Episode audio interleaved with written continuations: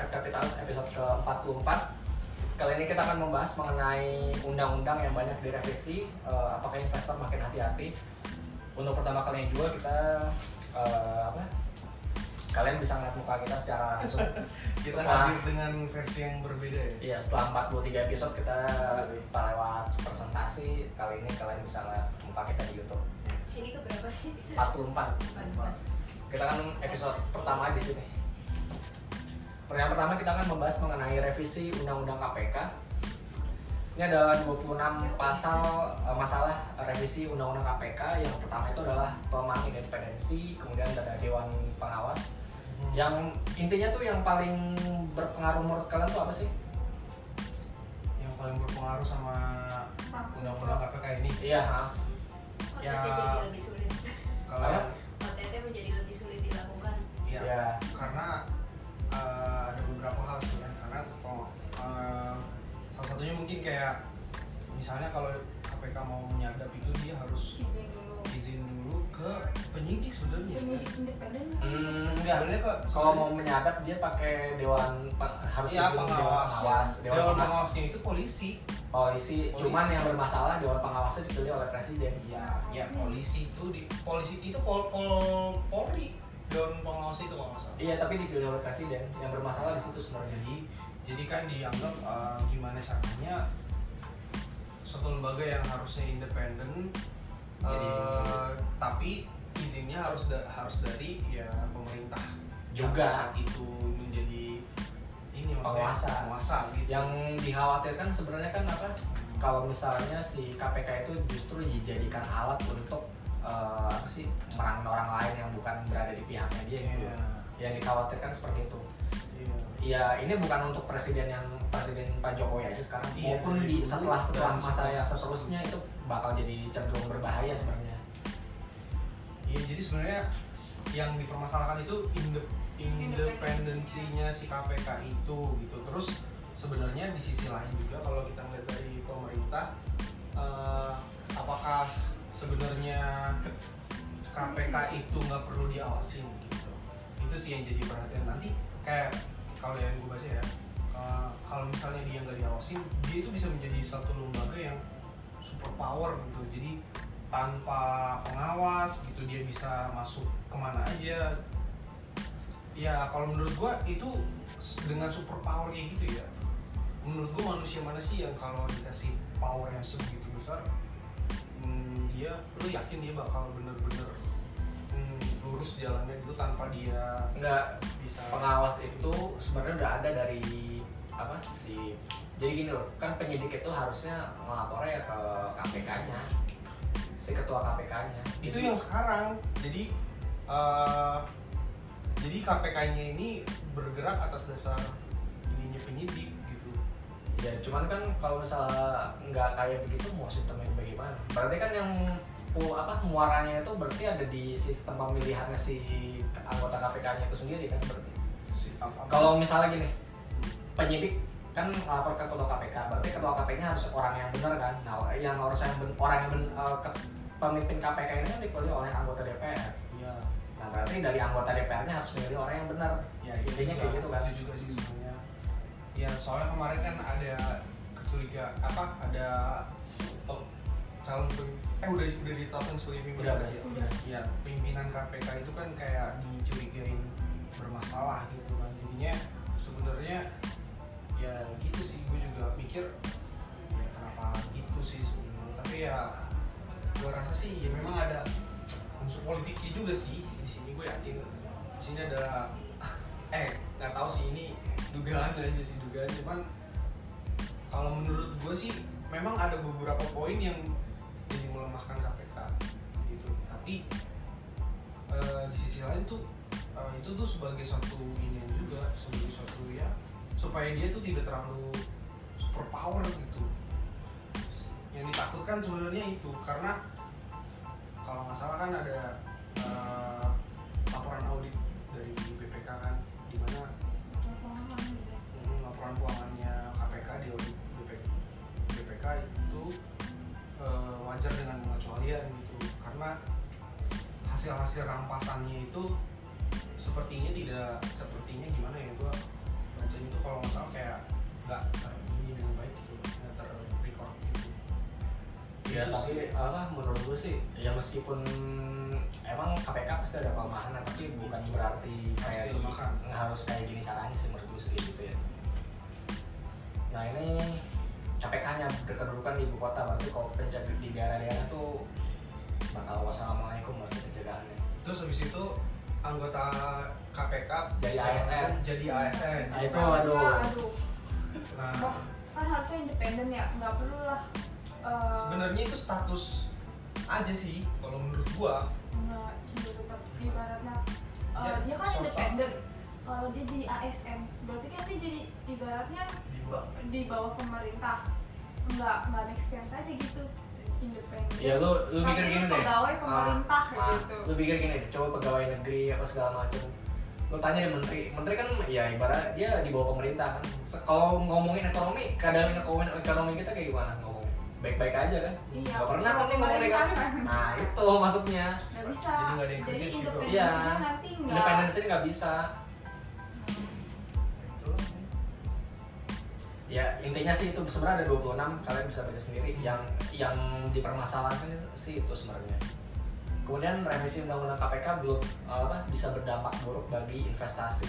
hmm, indeks perspektif korupsi kita itu masih lemah di skor kita masih 38 dari 100 dan ranking ke 89 dari 180 negara. Yang paling bagus tuh si Singapura di Asia. Kemudian gue lupa setelahnya siapa. Pokoknya yang ini paling skor 38 berarti jelek 38 dari 100 ya Iya. 38 dari 100. oke 60 aja masih biasa-biasa aja. merah rapornya Ya mirip-mirip sama Rusia lah ya. Kira-kira. Iya itu kan merah juga. Oh iya, gitu. Iya.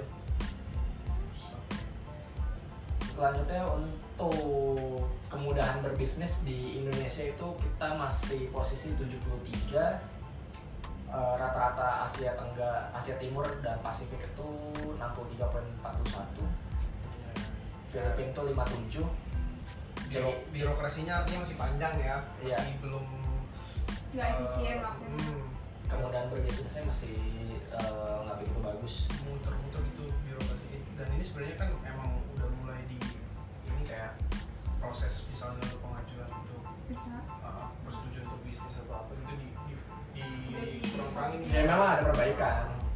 Ada perbaikan sih. Kalau kita lihat di easy of do- doing businessnya overall tuh 73 lah. Ya emang kalau lihat dari komponen semuanya tuh ada perbaikan. Kalau kita lihat cuman yang paying taxesnya aja yang agak uh, menurun Hmm.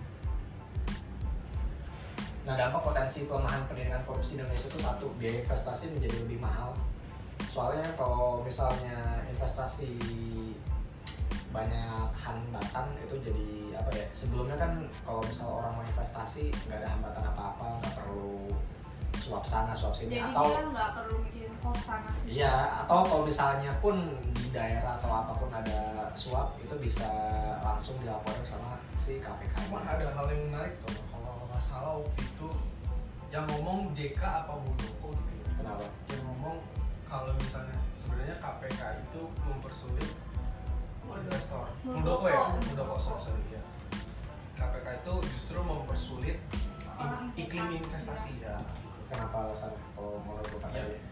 Gue rasa sih mungkin karena banyak aturan-aturan gitu ya jadinya Ah. nggak lebih loose gitu buat uh, investasi Menurut gue sih yang salah bukan KPK ya pemerintah. iya Tahu bikin. iya Gue pernah baca peraturan tentang investasi di apa di Vietnam itu sekitar 4 ribuan kita 6 ribu.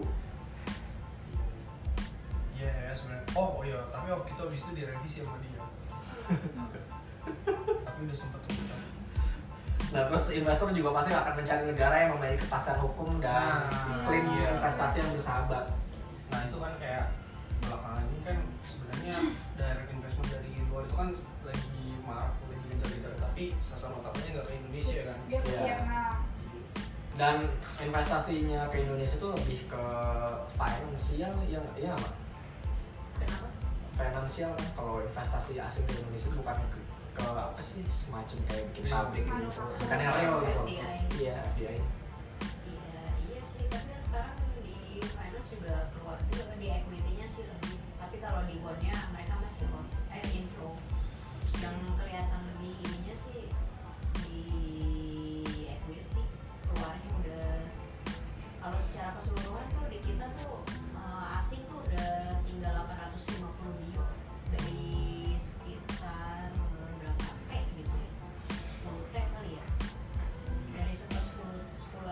12 gitu terus tinggal itu equity apa 800. bang Um, equity kalau gua tuh masih inflow 170 T sekitar segitu Oke, selanjutnya untuk yang ketiga adalah penegakan hukum menjadi tidak jelas membuat investor asing enggan berinvestasi sendiri. Ya sebenarnya sama sih kayak tadi. Yang keempat memper- memperburuk iklim investasi. Ya intinya sih sama. Kalau nggak ada kepastian hukum pasti investasi juga nggak begitu bagus. Sebenarnya sih yang salah satu yang membuat investasi kita cenderung naik dari tahun ke tahun itu salah satunya ya apa? Hmm, tingkat korupsi sama penyuapan yang mulai digerakkan KPK sih sebenarnya yang lumayan bikin ngebuat orang tuh mulai percaya berbisnis di Indonesia kan. itu kira-kira berapa persen Kalau kurang kalau misalnya berapa persen ngaruhnya sih gua nggak tahu pasti. Yang jelas apa peringkat doing business kita terus naik sama apa eh, transparansi kita juga terus naik sih intinya itu. tapi mungkin akan lebih gede lagi kalau manufakturnya lagi jalan sih Ya, Nah mungkin apa karena banyaknya investasi itu malah ke finance buat ke manufaktur jadi nggak begitu efek banyak ya Mbak ya. Nah terus selanjutnya adalah RUU bermasalah. Ini adalah pasal-pasal kontroversial dalam RUU KUHP. Ada yang mau bahas dulu tentangnya? Siapa?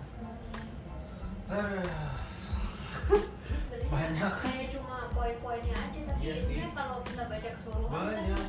nggak nggak semuanya salah gitu Nah terus ya. Iya, kita yang juga bukan yang itu ya, yang lu Twitter itu ya. Tapi lu lihat nggak di reply-nya apa? Ada yang reply itu. Tuh? Jadi kalau misalnya ada yang emang sih ada yang orang bilang "Ih, ini RU-nya bermasalah, cuman kan ada penjelasannya kan, Ah. ada penjelasannya. Nah, tapi di balik penjelasannya itu ada apa sih? Aduh, gue lupa salah satunya apa sih. Bentar ya, gue coba lihat dulu.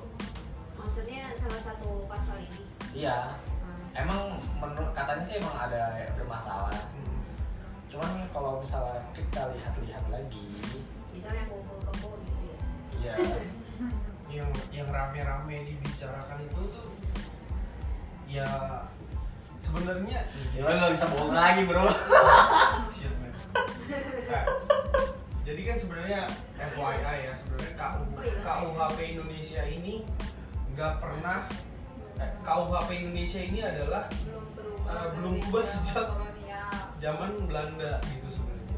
Ini dari mulai berapa presiden udah direncanakan rencanakan buat di disusun gitu kan. Tapi kan nggak nggak nggak nggak jadi jadi nggak nggak selesai selesai. Nah kalau nggak salah sempat sempat pas zaman SBY itu udah sempat udah ada draftnya tapi tetap tapi eh, nggak di nggak nggak difinalkan karena Ah, mau proses sosialisasi sih sebenarnya gitu. Nah, nah terus sekarang tuh eh, dan sebenarnya ini juga udah disosialisasikan ke mana-mana ke semuanya ke mahasiswa. Ada ada ada beberapa pihak yang bilang kenapa baru sekarang ininya ya gitu. Ada yang mengatakan gitu kenapa nggak pas lagi jejak pendapat gitu atau pas lagi eh, kemarin-kemarin gitu lah kenapa baru sekarang di di protes masif dan keras gitu kan. Terus juga ada ber- beberapa hal juga yang diprotes itu sebenarnya udah ada di KUHP yang lama ah, itu sih sebenarnya yang jadi pertanyaan. Tapi gue sih setuju sih memang ada beberapa poin yang emang kayak mungkin juga susah dibuktikan. Ada ya kayak multi tafsir gitu kan. Nah, Gua ambil contoh satu deh yang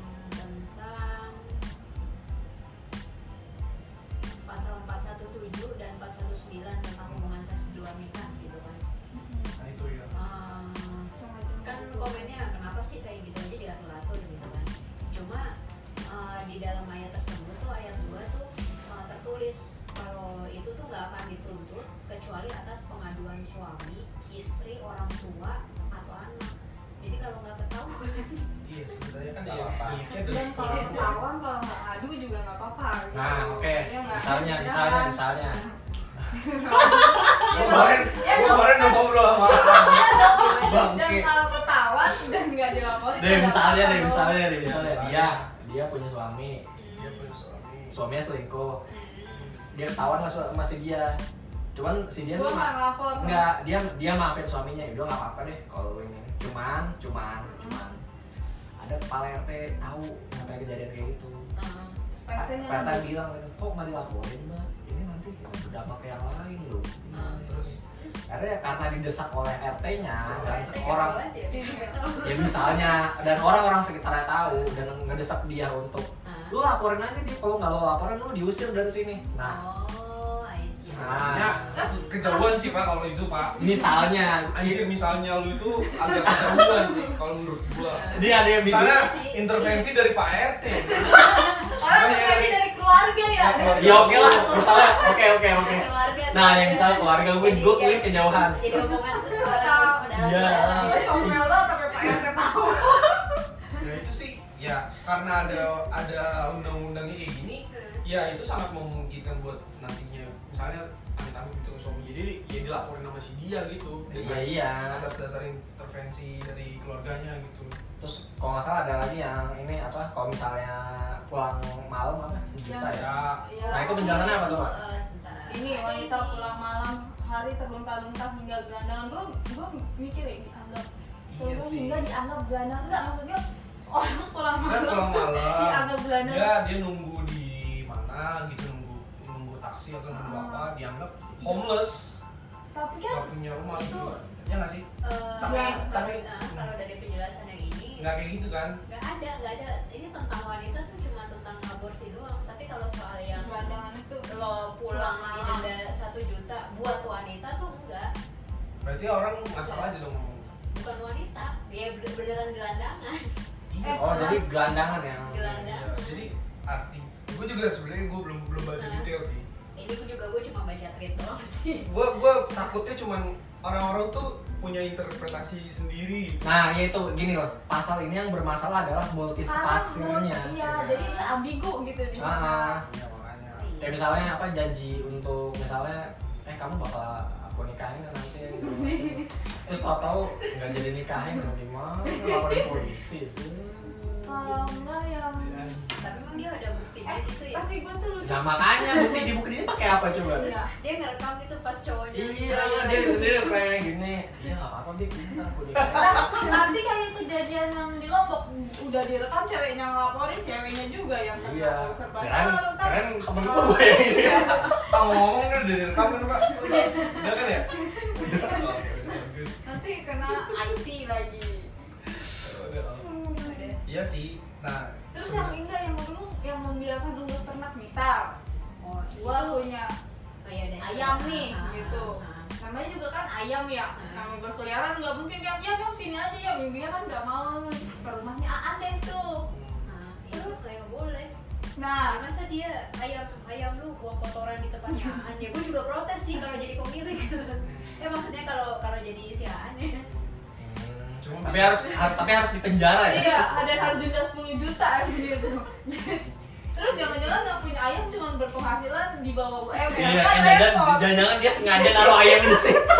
atau ada yang bilang pernah lihat video lucu jadi eh, orang eh, bawa beras biar ayamnya tuh ke rumah dia Iya. biar berak Iya, Mas Mas merugikan saya. iya Merugikan saya. Ya, Merugikan saya. tapi ya gitulah makanya ini kan dia coy ini lagi digodok lagi kan sepertinya lagi di Iya. tun emang ini emang yang lagi di ditunda iya, kan lagi ditunda emang ditunda uh, ininya finalisasinya Hmm. supaya di review ulang kan terus yang ini nih yang itu yang pasal orang tua sengaja memperlihatkan alat kontrasepsi di depan anak Iya. di sterilisasi. itu anak yang anak sendiri kalau misalnya memang orang tuanya kan sekarang kan lagi ibaratnya kita eh, memperkenalkan Enggak, enggak usah gitu deh.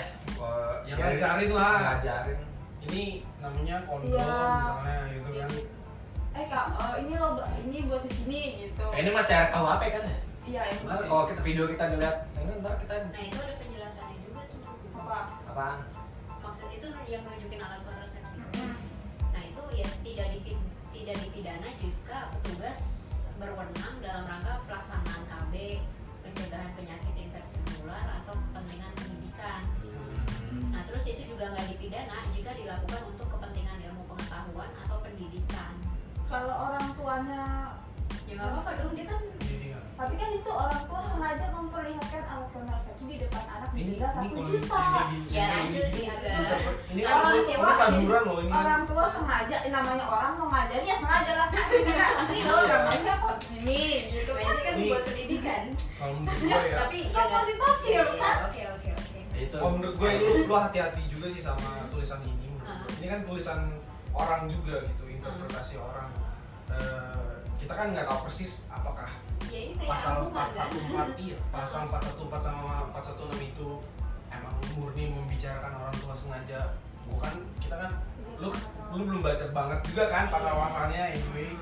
Gitu loh. Jadi menurut gue sih kita boleh kritis tapi lu kritisnya eh, bener-bener kritis yang pada tempatnya dan lu ngerti dulu gitu jangan asal-asal jeplak aja sih menurut gue sih gitu. Tapi apa menurut gua yang dilakuin sama mahasiswa kemarin, pelajar, bahkan tadi gua dengar orang ya ter keterna apa gua nggak tahu ya ini benar apa enggak terkonfirmasi apa enggak ada yang tertembak juga di Iya, katanya. Sulawesi. Katanya Sulawesi Tenggara apa? Sulawesi Tenggara tuh mana itu. Diduga kan ada yang ada yang tewas ada yang diduga tewas kan tertembak Oh, iya. kita lihat aja. Nih Nah, ini kan hari ini hari maksud gua kan apa ya biayanya tuh mahal gitu loh untuk RU RU apa kita demo segala macam karena ada hal-hal yang oke enggak demo ini juga bukan soal RUKP aja yang KPK juga termasuk mereka yang demo kan biar presiden nerbitin perpu untuk Perpu. ngebatalin Batalin. undang-undang KPK tersebut kan Hmm. jadi ya itu mahal sebenarnya harganya harus benar-benar direalisasikan sih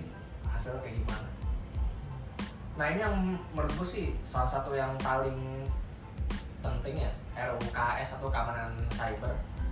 Soalnya ya ini masalahnya adalah mengancam priva- privasi dan kebebasan berekspresi. Yang kedua adalah membatasi perkembangan teknologi yang melindungi hak asasi kemudian menghalangi kapasitas individu dalam meningkatkan keamanan siber. Dan yang keempat adalah minim partisipasi multi stakeholder. Ini mungkin bahasanya agak-agak ribet.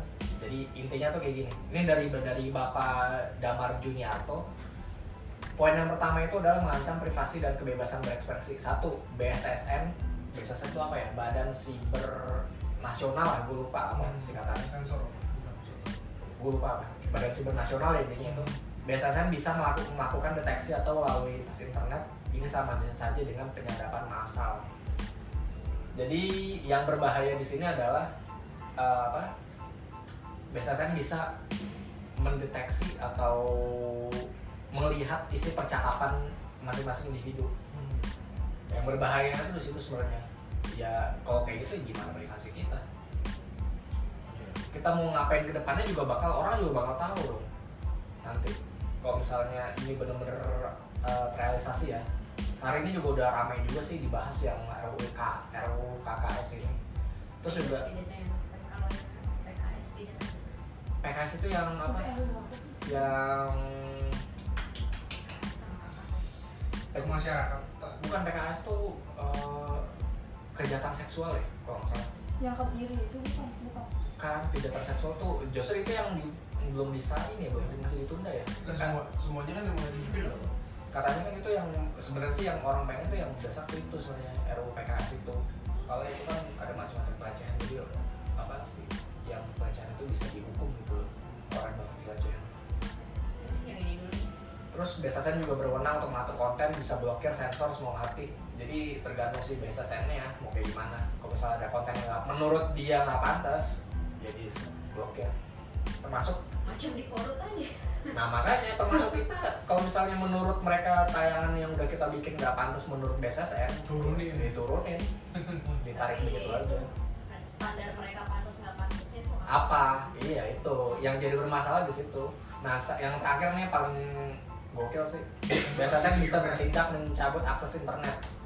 Maksudnya misalnya Yang kayak kemarin di Papua. Papua misalnya Papua lagi rusuh gimana? Oh kita perlambat internetnya biar Oke, internet kemarin kita lama merusuh terus WA iya kan, ah, pada ah, ah. semua. itu kan berbahaya sebenarnya kayak gitu. Iya. lo lagi Ma- kadang lagi kerja loh itu. Enggak iya. Lo lagi keadaan darurat tau contohnya di Papua itu. Lo lagi keadaan darurat lagi keadaan darurat tau tuh internet lo mau lo mau ngabarin keluarga lo gimana atau dimatiin internetnya. Nggak bisa ngabarin keluarga lo kan? Sekarang lagi di mana? Iya.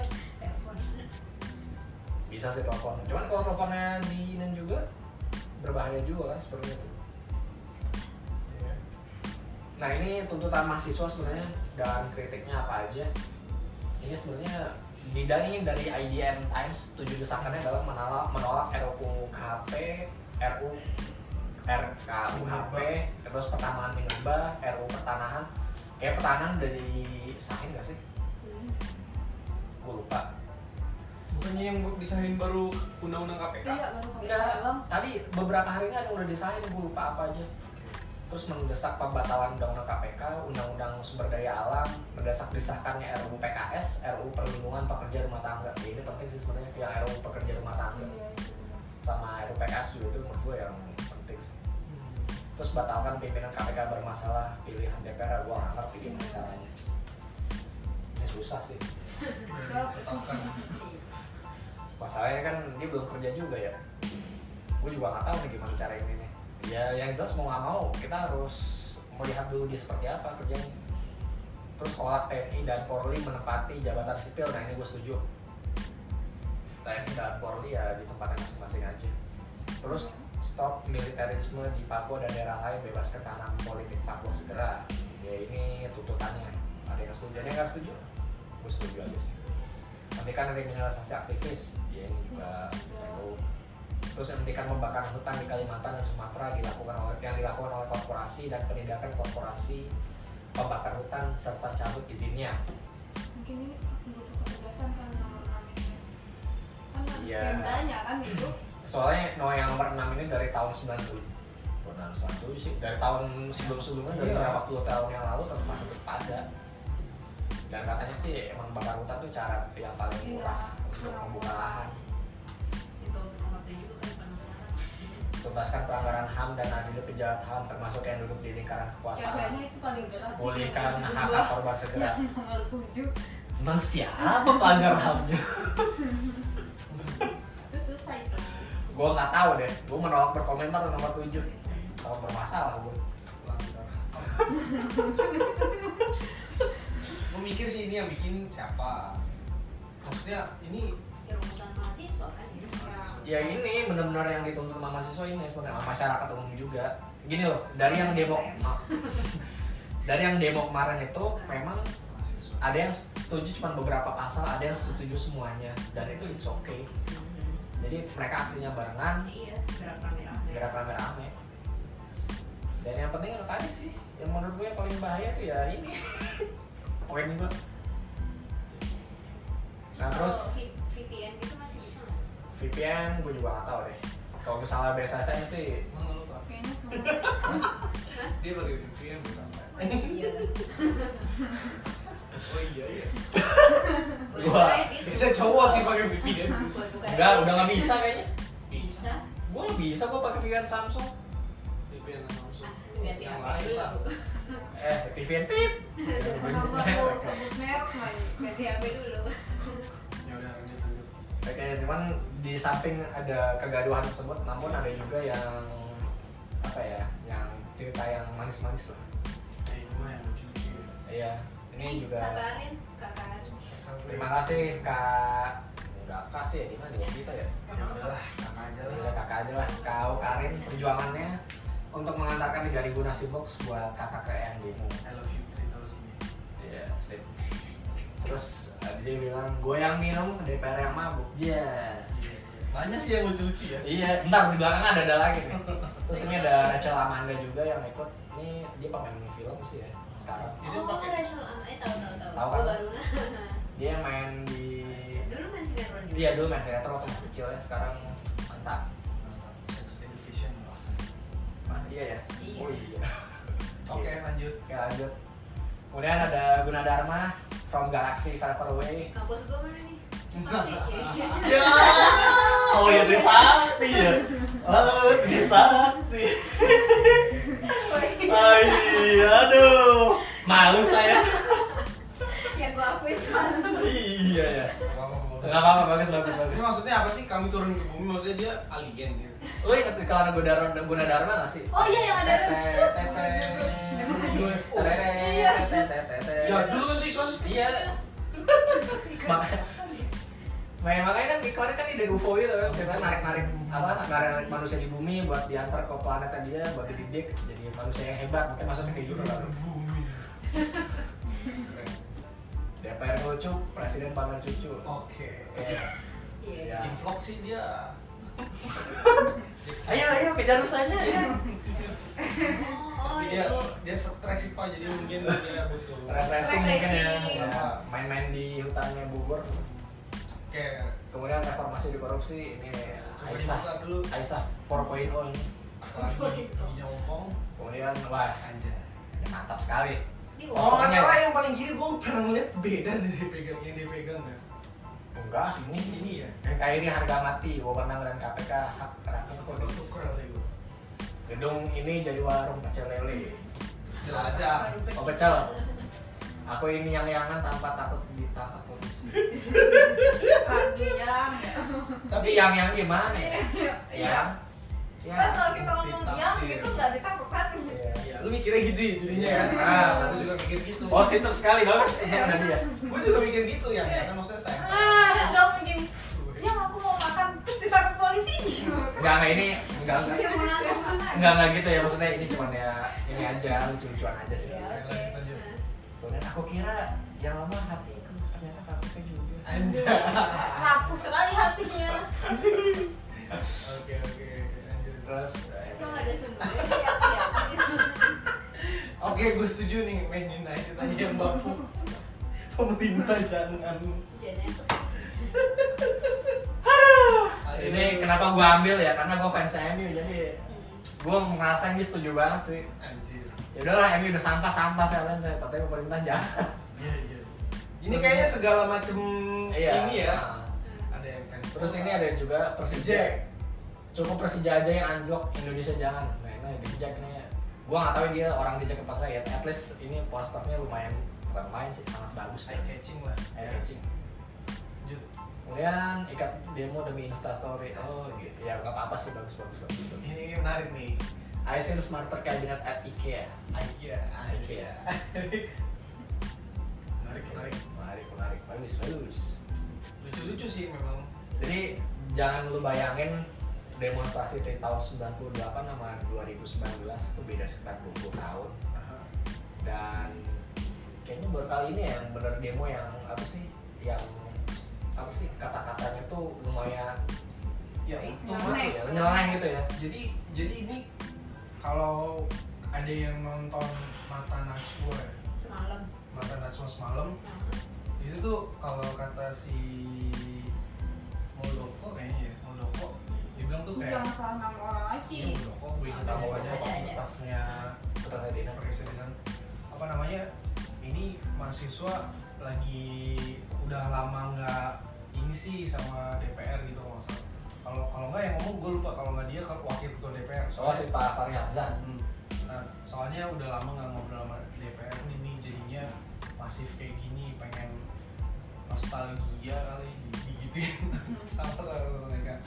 Ya kalau gue ngeliat sih, ya memang Oh terus kan dibalas lagi. Ya Iya. gimana mau ngomong orang mereka juga nggak ini. nggak didengerin gitu kan, jadi ah. digituin sih kan memang ya.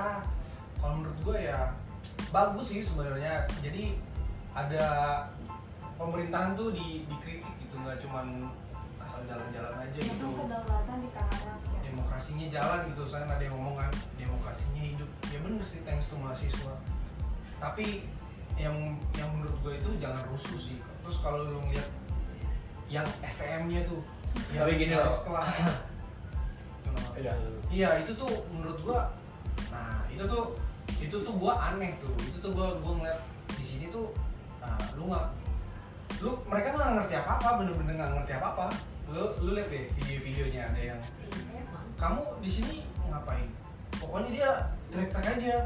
Kami menuntut keadilan gitu. Keadilan apa? Masa EUW aja di dilarang gitu kan? Ini kan kayak ini cuma kayak cuman bercanda-bercanda aja Enggak. nih gitu. Begini maksud gua. Ya oke mungkin mereka cuma ikut ikutan doang ya cuma ah, apa itu maksud dia. gua, tindakan represif yang dilakukan oleh polisi juga sebenarnya Iya. ngebuat mereka ikut beraksi juga sih kalau menurut gua. Kalau menurut gue itu tuh kayak kayak telur sama ayam. Ya, jadi iya. lu mau lu mau cari yang siapa yang duluan gitu tuh aduh tapi ada. gini loh maksud gua di Hong Kong itu demo udah berapa hampir berapa bulan cuman nggak ada korban sama sekali. Masyarakat Indonesia sama masyarakat Hong Kong gue sangat jamin Ah, 180 banyak derajat. kan Tapi nggak tapi nggak nggak separah dipukulin di sini di sini kan. Iya karena itu ada yang kemarin tuh yang sampai ada operasi loh Iya, karena gini, bro. menurut gue jauh banget sih standar eh, ininya ya anarkisnya di, di Indonesia. Kalau menurut gue jauh banget sama di Hong Kong kalau menurut gue karena lu lihat sendiri kan video-videonya lah. Di mereka tuh kayak eh, memang sih ya bener juga tuh teorinya si Muldoko. Eh, panas kan panas tuh. Eh, terus kan DPR-nya nggak mau keluar keluar kan? Hmm. kan dia mereka nuntut Hmm. Ketua DPR buat buat turun buat keluar gitu kan. Sementara ketua DPR-nya nggak keluar keluar. Enggak enggak enggak gue nggak gue kalau itu gue teori itu gue nggak make sense kalau menurut gue menurut gue enggak maksud gue Nggak make sense. enggak enggak menurut gue gini gue pernah ngeliat demonya si Malaysia sama Indonesia sama-sama demo. Ini gue belum nyelesain nih padahal nih apa iya udah. Coba saya Nah, terus jadi sama-sama sama-sama apa ya? Si mahasiswanya eh, aspirasinya ibaratnya belum tersampaikan gitu keinginan mereka belum terpenuhi. Terus eh, si polisinya juga mungkin ya memang gua gua sih nggak nggak mendukung banget polisi. Gua bilang polisi bener kok. Gua sih men- menduga juga soalnya gua ngeliat ada yang lempar batu juga lah polisi. Ada kok videonya juga polisi ngambil batu terus melempar gitu. Ya nggak dewasa juga sih. Ada juga oknum-oknum polisi yang nggak dewasa gitu yang yang anarkis juga. Jadi ya ah, kayak yang telur itu gue bilang. Nah itu menurut lo tapi kalau lo bilang yang anarkis ya kita beda segala macam karena panas atau segala macam gue nggak setuju sih. Panas. Ya emang emang panas bro itu di situ. Ya. maksud gue Se- gini loh sepanas itu. gue pernah ngeliat demo di Malaysia waktu itu gerakannya gerakan kuning kalau nggak salah. Terus demonya duduk. Semuanya duduk tapi ada yang dengerin ya dia mereka orasi yang di depannya duduk gitu. gue maksudnya juga bingung itu demo apa apa ya? Ya makanya gue bilang beda. Mereka kayak gitu doang tuh didengar didengar nggak? enggak. Gue rasa enggak begitu sih. Ya makanya itu gua, itu dia bro. Jadi kalau gue ngeliat kok kayak gampang banget ke beda enggak gitu bukan masalah panas apa enggak. Beda culture itu aja sih. Iya, itu gue bilang tadi kan orangnya beda 180 derajat masyarakat di Indonesia sama tadi gue ngambil contoh yang Hong Kong tuh kayak di Indonesia tuh kayak gampang sumbu pendek banget kayak bukan langsung- ya emang sumbu pendek cuman yang kenapa bisa sumbu pendek? Karena orang ngomong Tidak biasa nggak bakal dengar. Iya nggak dihargai gitu. Pak permisi dia apa saya ada kehilangan barang tolong diinin oh iya Terus iya udah diremehin Udah, aja gitu di sampai orang ngomong pak. Makanya gue bilang kayak kayak telur kayak telur sama ayam gitu. Ngomong pak. lu nyari nyari nyari sebabnya nggak ada karena sebab dan akibatnya itu satu gitu. Tapi yang menurut gua tindakan representatif itu yang apa, Represif, iya, represif. represif itu. Goblok. Tindakan itu itu sih tetap apa pun hak Nggak apa boleh, karena itu nggak boleh. Menurut gua itu boleh. benar-benar benar. eh, apa ya namanya? Nggak diperlukan nggak jadi ya Panas ya. kalau mukul tuh keroyokan pukul-pukul. Sa- eh, maksudnya aneh sih memang. manusiawi lah. Eh, manusiawikan manusia gitu. Memanusiakan manusia. Iya gitu. Oke setelah Udah. ya? kita bahas demo kita bahas ke market lagi. Oke. Karena minggu lalu gua nggak sempat bahas market karena bahas Habibie juga dan kebetulan seminggu kemudian ada kejadian kayak gini jadi ya romantika 99 eh 99 98 Terulang kembali. kalau kita bahas yang pertama saham BNI kayaknya ini hari ini kemarin hari ini udah naik sih BNI ya? Udah. Hari ini semua banking naik. mostly naik. Iya pokoknya BNI target di 8100 kemudian BRI BRI target di 4320 untuk sementara. Ini by ini hari Kamis ya? Tadi hari penutupan Kamis. udah 42 something 42 something. Oh baru dari dong iya 42 jadi bukan gua gua ngobrol ngobrol sama lu kayak dua hari yang lalu apa tiga ya hari Rabu sih. Hari Iya, Rabu. Rabu ya atau iya pokoknya itu tuh turun buset nih empat ribu di bawah jebol empat ribu seratus tuh ke bawah BBRI anjir. Gua ngantri dikasih nggak dapet kan tapi gua udah beli juga sih. Oh udah beli? Oh iya udah dong. kemudian ada BRPT ini BRPT setelah sekian lama turun ada di titik supportnya. Hmm. tadi sudah naik sih kalau nggak salah. Ya ya terus ini ada CTRA CTRA hmm, double bottom ini double bottom tapi belum naik terlalu signifikan juga sih. Kita lihat aja kayak gimana ke depannya. Nah untuk ISG ada pandangan lain mungkin untuk ISG gue sih soal market terfokus sama trade war aja sih. Apalagi kan kemarin si Trumpnya ini kan di impeach di istilahnya mau diturunin gitu. Tapi kan nggak pernah ada yang berhasil kan di US terus kalau menurut lu demo? Ya oke lah ya demo. menurut gue sih nggak ngaruh ini Ah. benar-benar Ah, eksternal. Ah, ah. Nah, menurut lu mau ada demo atau enggak ya tetap aja turun kan? Nggak ngaruh ya. Ini technical banget gitu nggak ada ngaruhnya sama demo menurut gue sih. Dan menurut gua juga apa meskipun mau demo gimana ya emang asik. keamanan itu nggak menurut gua asik tuh udah keluar dari kawan tahu Iya, maksud udah gua. kapan tahu. Udah gitu kan tadi apa ya lupa kan gue mau ngomong apa? Ya kalau misalnya ada demo ya cuman ya udahlah sekalian aja turunin berat udah gitu kan. Gue sih mikir gitu aja nggak apa ya maksudnya kestabilan politik Oh, segala macam. Iya, Apa? lagian uh, selama bulan September ya emang selalu kayak gini gitu. Kita kayak istilahnya kayak dikocok-kocok baru ntar akhir inilah akhir-akhir akhir tahun. akhir tahun. Ah, Oktober November Desember gitu Iya, ya? ini mah udah lah emang historisnya begini nggak ada nggak ada nggak ada terlalu ngaruhnya sama demo sih. oke. Hmm. lo gua ya ini sih masih waktu itu gua sempet bilang stay cash ya. Sekarang? ISG. sekarang? Ini sekarang ISG udah di satu balik lagi udah udah gap gap up gitu ya nih ya. Gimana? Kalau gue sih eh, boleh sih kalau menurut gue nyicil nyicil karena eh, nyicil nyicil masuk ya maksudnya. Karena yang big caps big capsnya juga udah mulai info iya. Eh gue kalau inflow nggak tahu. Pokoknya udah mulai rebound gitu. Kalau inflow di spesifik uh, stok kayak misalnya di big cap BRI segala macam itu gue belum lihat sih. Jadi mulai sih. Menurut gua sekarang itu bener uh, mulai nyicil tapi menurut gua momen-momen sekarang tuh masih uh, trading cuma trading pendek aja. Kayak uh, ya masih trading pendek. Jadi kalau udah profit ya taking profit ntar ambil lagi di bawah terus ya, profit. Ya soalnya kan ini jaraknya pendek-pendek ya kalau kita lihat ya. Iya. Ini Masih juga pendek ini juga pendek. ini semuanya. jadi ya emang ya kecuali kalau third liner third liner ya bisa banget. Ya.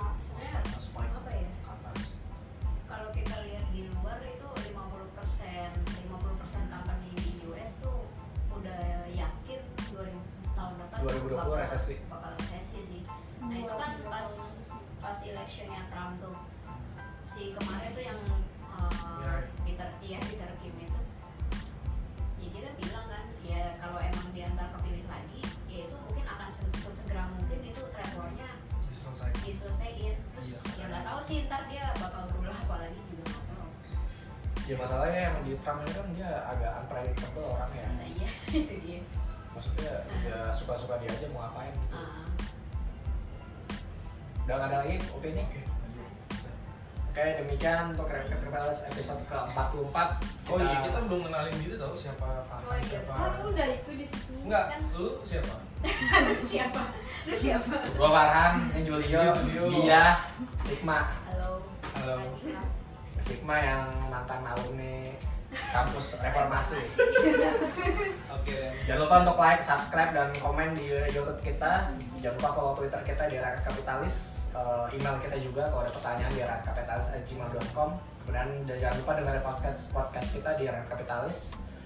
ini kita ditampilin muka ya gua nggak tahu sih episode ke depan kita bakal nampilin muka lagi atau enggak atau cuma episode ini aja Ini Hah? special edition aja special edition aja untuk menghargai mahasiswa-mahasiswa yang sudah turun ke lapangan. Terima kasih loh. Jangan hilang ya sebenarnya sih gue juga pengen sih cuman kita gimana bukan mahasiswa lagi. Gue juga pengen kok Iya. turun. Gua juga pengen turun kok dulu waktu S1 itu mahasiswanya apatis semua amat nggak nggak ada yang mau gede kayak nggak ada gini. yang gini-gini maksudnya ya oke lah. Kalian semua. Oke iya. Baik. yuk kita akan jumpa kembali episode episode ke-45 dadah. Siap